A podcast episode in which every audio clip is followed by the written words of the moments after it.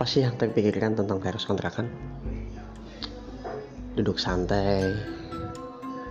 Tengok kanan kiri melihat tetangga kontrakan yang lain. Terus ngobrol sama tetangga kontrakan yang lain juga. Kadang kita juga uh, ngobrol ngalor ngidul sama teman-teman kita di kontrakan sambil ngopi sambil ngerokok.